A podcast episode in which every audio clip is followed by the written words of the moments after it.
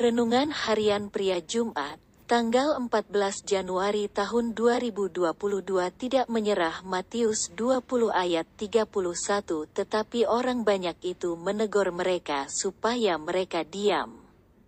Namun mereka makin keras berseru, katanya, Tuhan, anak Daud, kasihanilah kami. Kebiasaan pada waktu itu seorang rabi dapat mengajar orang-orang lain sambil berjalan.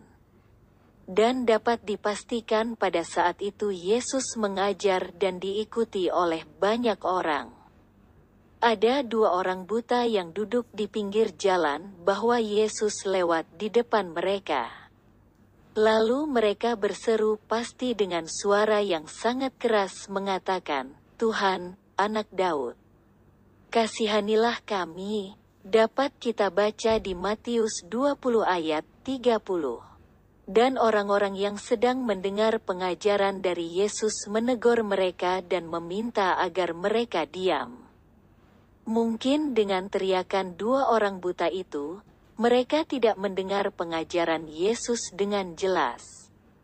Akan tetapi kedua orang buta itu bukan diam, tetapi mereka semakin keras berseru. Tindakan kedua orang buta itu mengajarkan kebenaran kepada kita bahwa mereka tidak menyerah oleh apa pun. Mereka sangat ingin suara seruan mereka didengar dan diresponi oleh Yesus.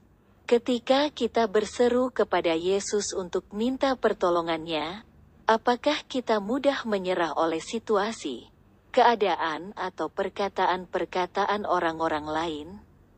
Kedua orang buta itu mungkin pernah mendengar pengajaran dari para rabi yang mengutip ayat dalam kitab Mazmur 50, ayat 15. Berserulah kepadaku pada waktu kesesakan, aku akan meluputkan engkau. Dan engkau akan memuliakan aku. Jadi jangan pernah menyerah untuk datang kepada Tuhan. Mungkin kita belum melihat pertolongannya. Tetapi percayalah bahwa ia Tuhan yang baik dan tidak pernah terlambat pertolongannya.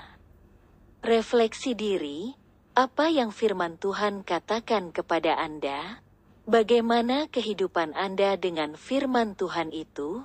Catat komitmen Anda terhadap firman Tuhan itu.